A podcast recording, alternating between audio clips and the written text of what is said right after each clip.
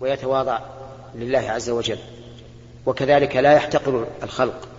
لا يقول هذا شاب صغير وأنا شيخ كبير لا ألتفت إليه ولا أنظر إليه ولا أصغي إلى هذا غلط كبير. كان النبي عليه الصلاة والسلام وهو أرفع الخلق شأنا عند الله كان يمازح الصغير ويسلم على الصغار ويحمل الصغار وهو يصلي عليه الصلاة والسلام.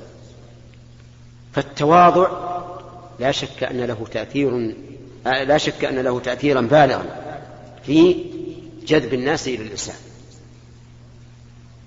ويجب على الشباب أيضا أن يعاملوا من يكبرهم في العلم والسن والقدر أن يعاملوه بما يستحق. لا أن يخاطبوه مخاطبة الند للند بل يخاطبونه بالاحترام والتوقير والتبجيل حتى يحصل الوئام بين الشباب والكبار.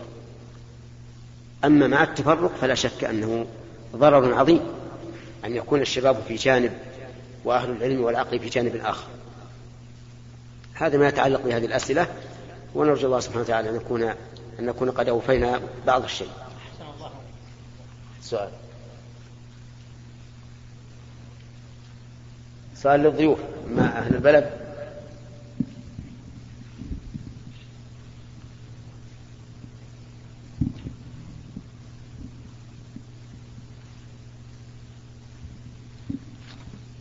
بسم الله الرحمن الرحيم. فضيلة الشيخ سائلة تقول امرأة صامت يوم الخميس والاثنين تطوعا فذهبت إلى وليمة إلى وليمة فلما حضرت حضرت قالت لعلي أفطر معهم.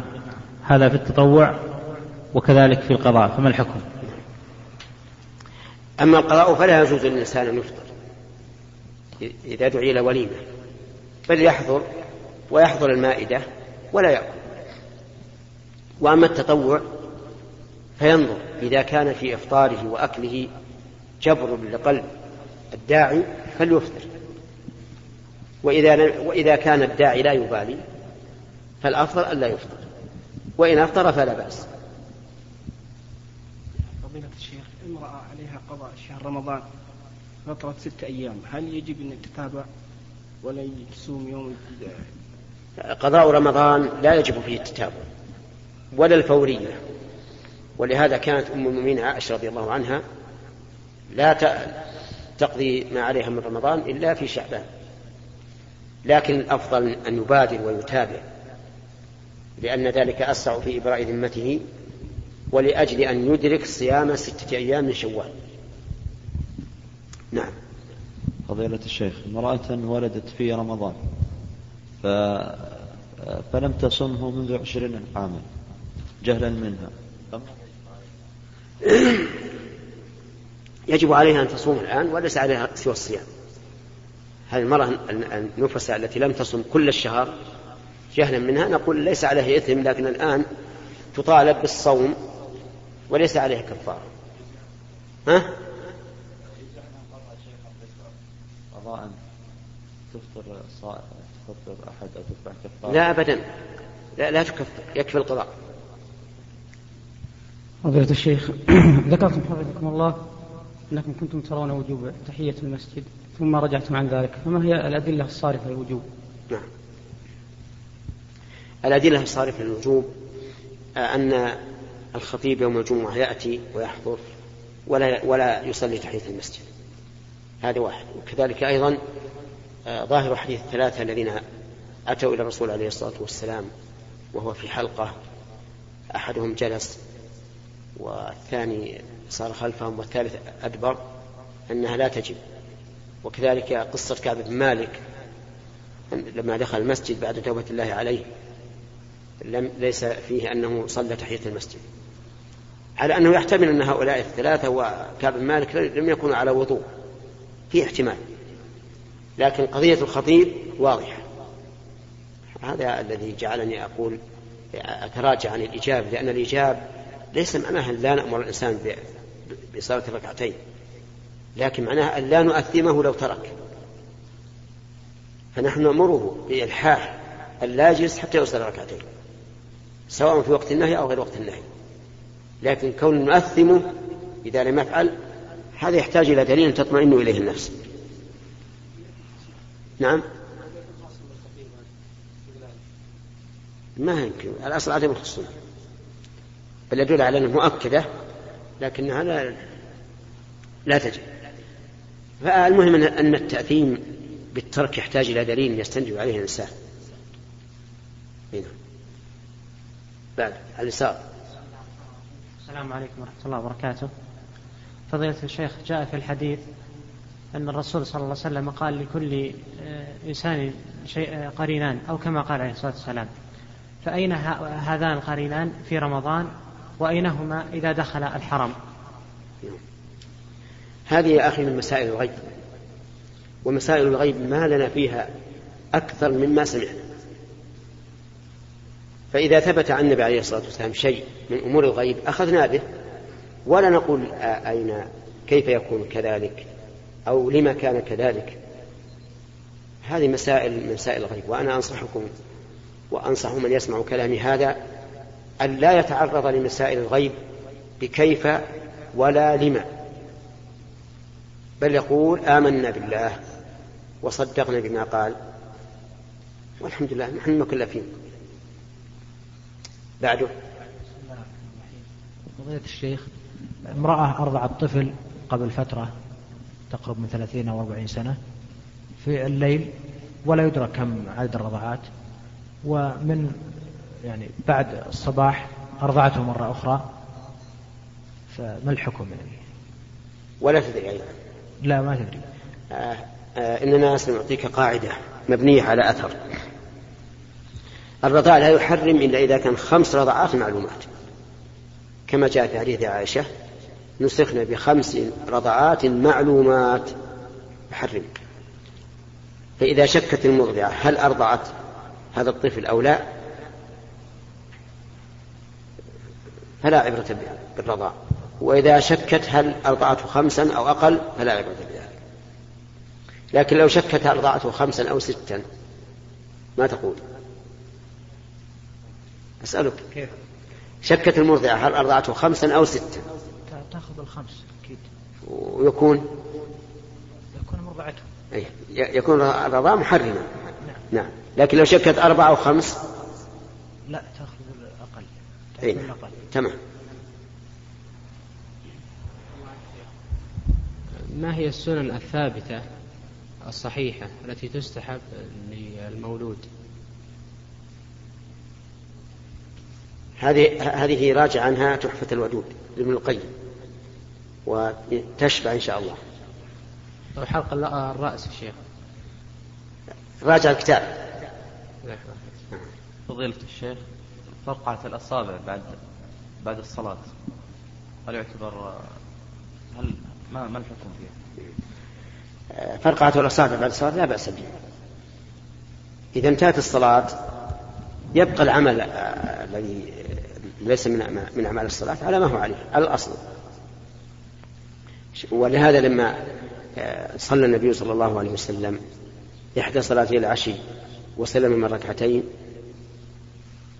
شبك بين الأصابع مع أن تشبيك الأصابع في الصلاة ولمنتظر الصلاة غير مستحب بل هو مكروه. نعم. الشيخ بارك الله فيك ونفع, ونفع بك الإسلام والمسلمين إنه يسوءنا كثيرا ما نشاهده من بيوت الربا.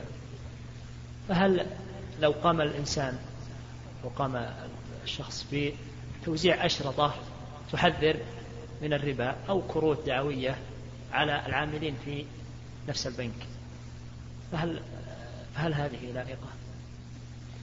لا شك أن بيان حكم الربا وأنه من أعظم الذنوب إنه أمر مطلوب ولكن يبقى النظر هل لا يكون في هذا عرضة لهذا الفاعل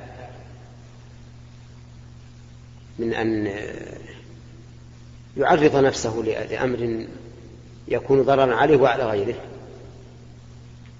فأنت إذا تمكنت من أن تنصح العمال في في البنوك نصيحة خاصة قد يكون أثرها أحسن.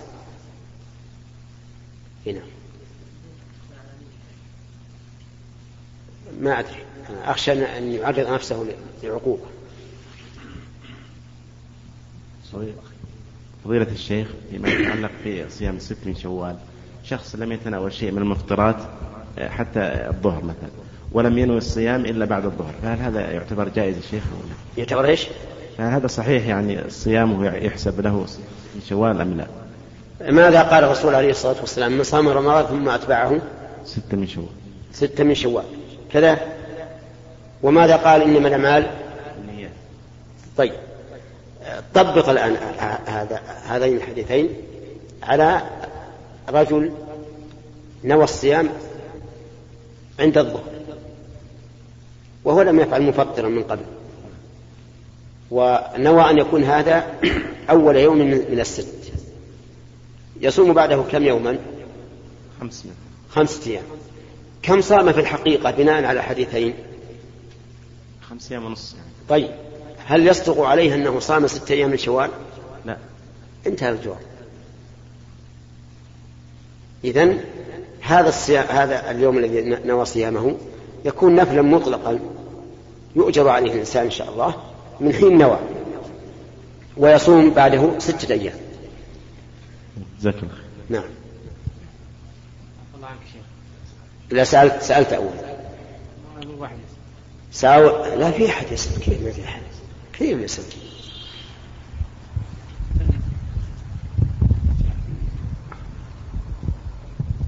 بسم الله الرحمن الرحيم. فضيلة الشيخ عفى الله عنك امرأة نفساء نفست في شهر رمضان كاملا. فتريد أن تصوم ست من شوال فإذا قضت في في شوال رمضان فهل لها أن تصوم تقضي ست من أيام شوال في شعبان؟ أي نعم. إذا إذا قضت ما عليها من, من رمضان فلتواصل. ولو ولو لم تصم إلا في ذي القعدة. تقضي الست شهر. أي نعم ست من شوال هي لكن تعذر صيام ست من شوال لأنها ما, ما صامت رمضان. تقضي في غير الشهر شوال. ها؟ تقضي في غير شهر شوال. كيف؟ تقضي في غير شوال. إي نعم في غير شوال. ما هي ذي هي من شوال؟ لا. إيه. نعم. فضيلة الشيخ أحسن الله إليكم.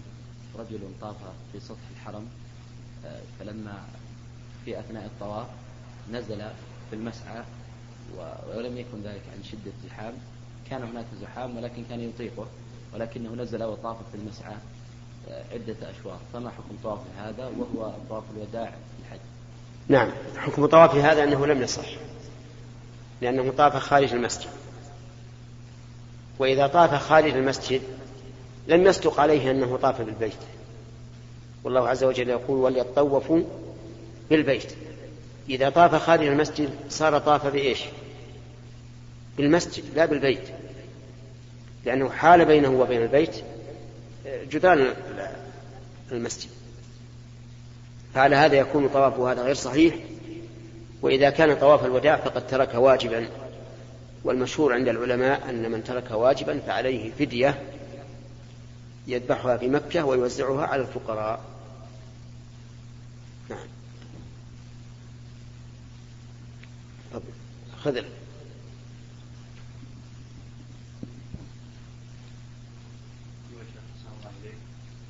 كيف التفريق بين الجنس والنوع والعدد؟ وإيش؟ والعين العدد وكيف يجتمع الحرمة والوجوب في العدد؟ وكيف يفرق بين النوع والعدد؟ الجنس صلاة. كلمة صلاة جنس. تشمل الفرض والنفل طيب. الفرض نوع. نوع من الصلاة. الظهر عين فرض. يعني عيناه. أفهمت الآن؟ أي نعم. آه، مثل نقول الحب جنس يشمل كل الحبوب من ذرة بر شعير عدس أي شيء. القمح نوع نوع من هذا الجنس. آه، الحنطة آه، نوع أخص. وهكذا. يعني الشيء العام الذي يدخل, يدخل تحته أنواع هذا نسميه, نسميه جنسا والنوع الذي يدخل تحته أفراد نسميه نوعا. والفرد معروف تشخصه بعينه الآن السؤال لا لا, لا ما, أخذ للمقيم لأن الضيوف أخذوا حقه نعم. أحسن الله إليك يا شيخ الحرم تتعدد الجنائز هل يتعدد الأجر؟ أخبرنا الرسول عليه الصلاة والسلام نعم. إذا تعددت الجنائز في صلاة واحدة هل يأخذ الإنسان أجر عدد هذه الجنائز؟ الظاهر نعم لأنه يصدق عليه أنه صلى على جنازة على جنازتين أو ثلاث أو أربع فيأخذ الأجر لكن كيف ينوي؟ ينوي الصلاة على واحد ولا على الجميع؟ ينوي الصلاة على الجميع وإذا كان معه أطفال فالطفل له دعاء خاص إذا انتهى من الدعاء للكبار دعا للأطفال. وإذا كان رجل وامرأة دعا لهما بصيغة التثنية فيقول اللهم اغفر لهما. وكذلك إذا كان رجلين واللهم اغفر لهما. وكذلك إذا كان أنثيين يقول اللهم اغفر لهما. أما إذا كان جماعة نساء يقول اللهم اغفر لهن. جماعة الذكور يقول اللهم اغفر لهم. ذكور وإناث يقول اللهم اغفر لهم. فيفضل ضمير الذكور على ضمير الإناث. نعم. أحسن الله إليك. رجل أغمي عليه في شهر رمضان لمدة عشر أيام. وهل يقضي هذه الأيام؟ نعم. إذا أغمي على الإنسان في نهار رمضان في شهر رمضان فإنه يقضي الأيام التي أغمي عليه فيها. لأنه لم يحصل منه نية لكن إذا أغمي عليه في أثناء النهار صح صومه. نعم, نعم. يلزمه قضاء الشهر كله. نعم. لأن هذا ليس كالجنون. الجنون لو جن الإنسان شهر رمضان فإنه لازمه القضاء لأن المجنون ليس عليه صوم. بخلاف المغمى عليه. فعندنا الآن جنون وإغماء ونوم. لو نام الإنسان في رمضان ثلاثة أيام ما استيقظ. فصومه صومه صحيح.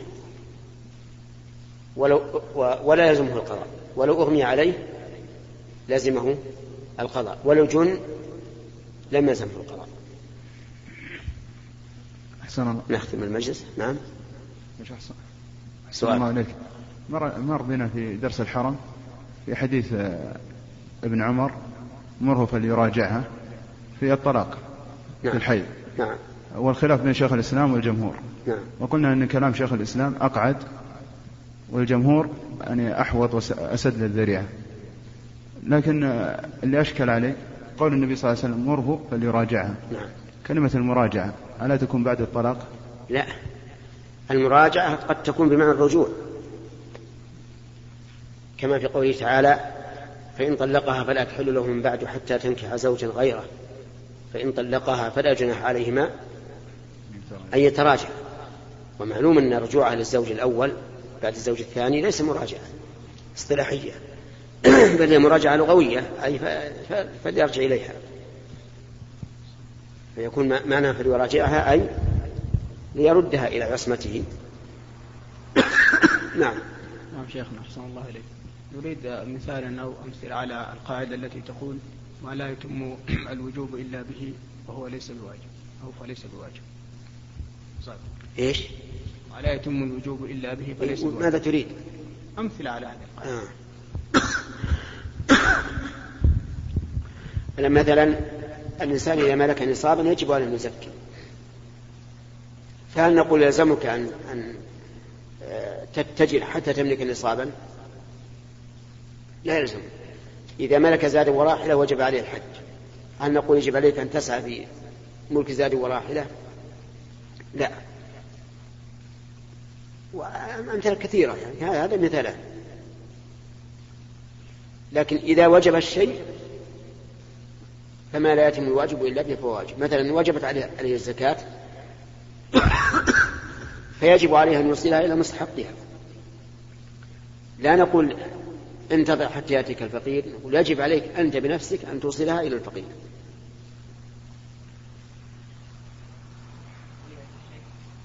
شباب خرجوا في رحلة إلى منطقة بعيدة ونزلوا في مكان بعيد من البلد لكنهم ما زالوا يسمعون الأذان بسبب وجود المكبرات. فهل تلزمهم الجمعة والجماعة مع أهل ذلك البلد؟ لا تلزم يعني إذا عن البلد بحيث لا يسمعون صوت المؤذنين لو لم يكن مكبر فلا تلزمهم وأما إذا كان آه، إذا كانوا قريبين من البلد بحيث لو كان المؤذنون يؤذنون بغير مكبر لسمعوهم فإنه يلزمهم الحضور. الشيخ أحسن الله إليك. رجل عنده مال زكوي ولما حال عليه الحول ميز حق الفقراء عن أمواله. نعم. ثم تلف قبل أن يوصلها إلى ذويها نعم. فماذا يجب عليه؟ يجب عليه الزكاة أن يضمنها. لأن هذا الذي عزله لم يملكه الفقراء. ولهذا لو عزل الزكاة لنفرض أنه مثلا عنده أربع أربعون شاة. عزل منها شاة للزكاة ثم بدأ له أن أن يخرج غيرها فلا بأس لأنها ملكه فإذا تلفت هذه هذه الشاة وجب عليه إخراج زكاة شاة أخرى. شيخ حفظك الله الآن صيغة الدعاء على الطفل وفي في صلاة الميت هل تفرق بينه وبين الطفل غير البالغ؟ وما هي الصيغة مثلا؟ الطفل المراد به من لم يبلغ. طيب وما هي الصيغة؟ الصيغة تدعو له ولوالديه. تقول مثلا اللهم اجعله فرطا لوالديه وذخرا وشفيعا مجابا. اللهم ثقل بهما وزنهما وأعظم به أجورهما وألحقه بصالح سلف المؤمنين واجعله في كبارة إبراهيم. هكذا قال الفقهاء وهو دعاء طيب. وإن كان بعضه لم يكن ماثورا لكنه دعاء طيب. المرأة تطهرت في رمضان وصامت يومين رجع الدم. وكيف اليومين هذا يكون؟ إيش؟ امرأة. تطهرت في رمضان. هي كان تطهرت؟ إيه. نعم. في رمضان. نعم. وصامت يومين ورجع الدم نعم. في في رمضان. وكيف اليومين هذا الذي صامت فيه؟ نقول هذا الدم الذي رجع هل هو دم الحيض الذي تعرفه؟ نفست قبل رمضان نعم نفست من قبل رمضان ولدت قبل رمضان. ولدت؟ نفست يعني نفاسها قبل رمضان. ولدت ولا حاضت؟ لا نفاسها يعني. نفاس. طيب ثم؟ ثم صامت رمضان يومين. رمضان يومين رجعت الدم مرة ثانية. طيب هذا الدم هل هو دم الحيض الذي تعرفه؟ تسأل إذا كان دم الحيض فهي حائض لكن صوم اليومين في حال الطهر صحيح.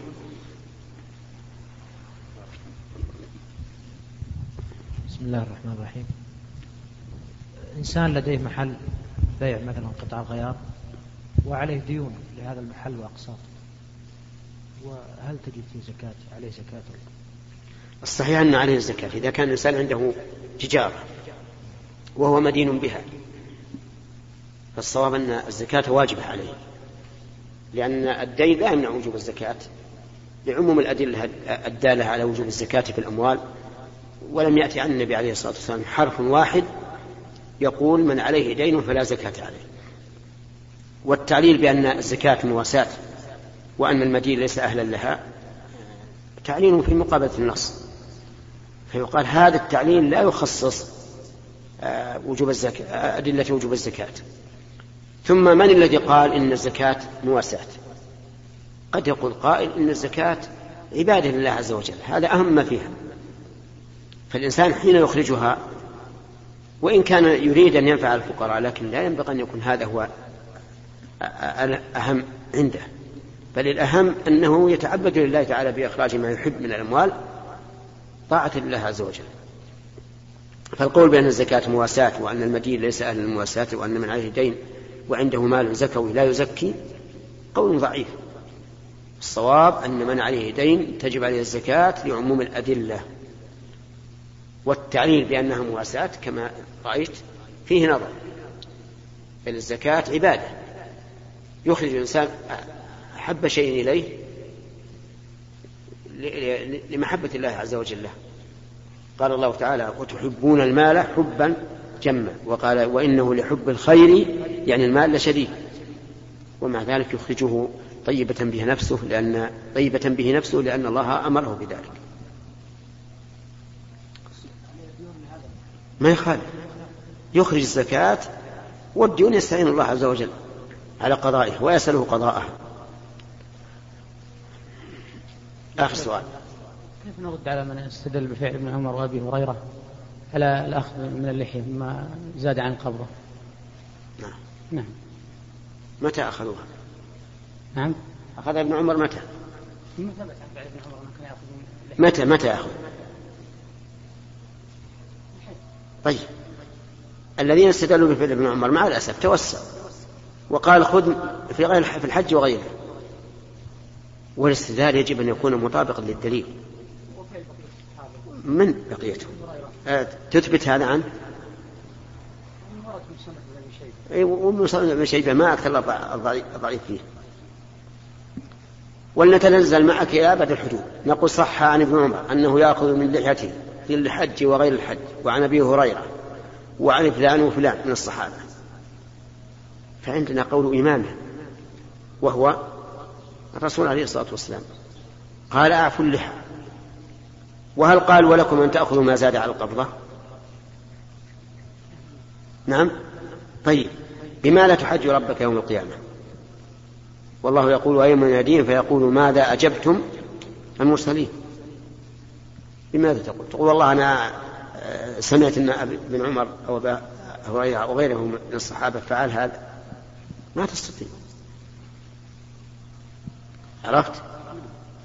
فمثل هذه المسائل إذا جاء فيها نص لا تسألها ابن عباس رضي الله عنه قال يوشك أن تنزل عليكم حجارة من السماء.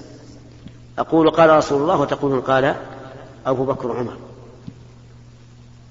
وأين ابن عمر من عمر؟ وأين أبو هريرة من أبي بكر؟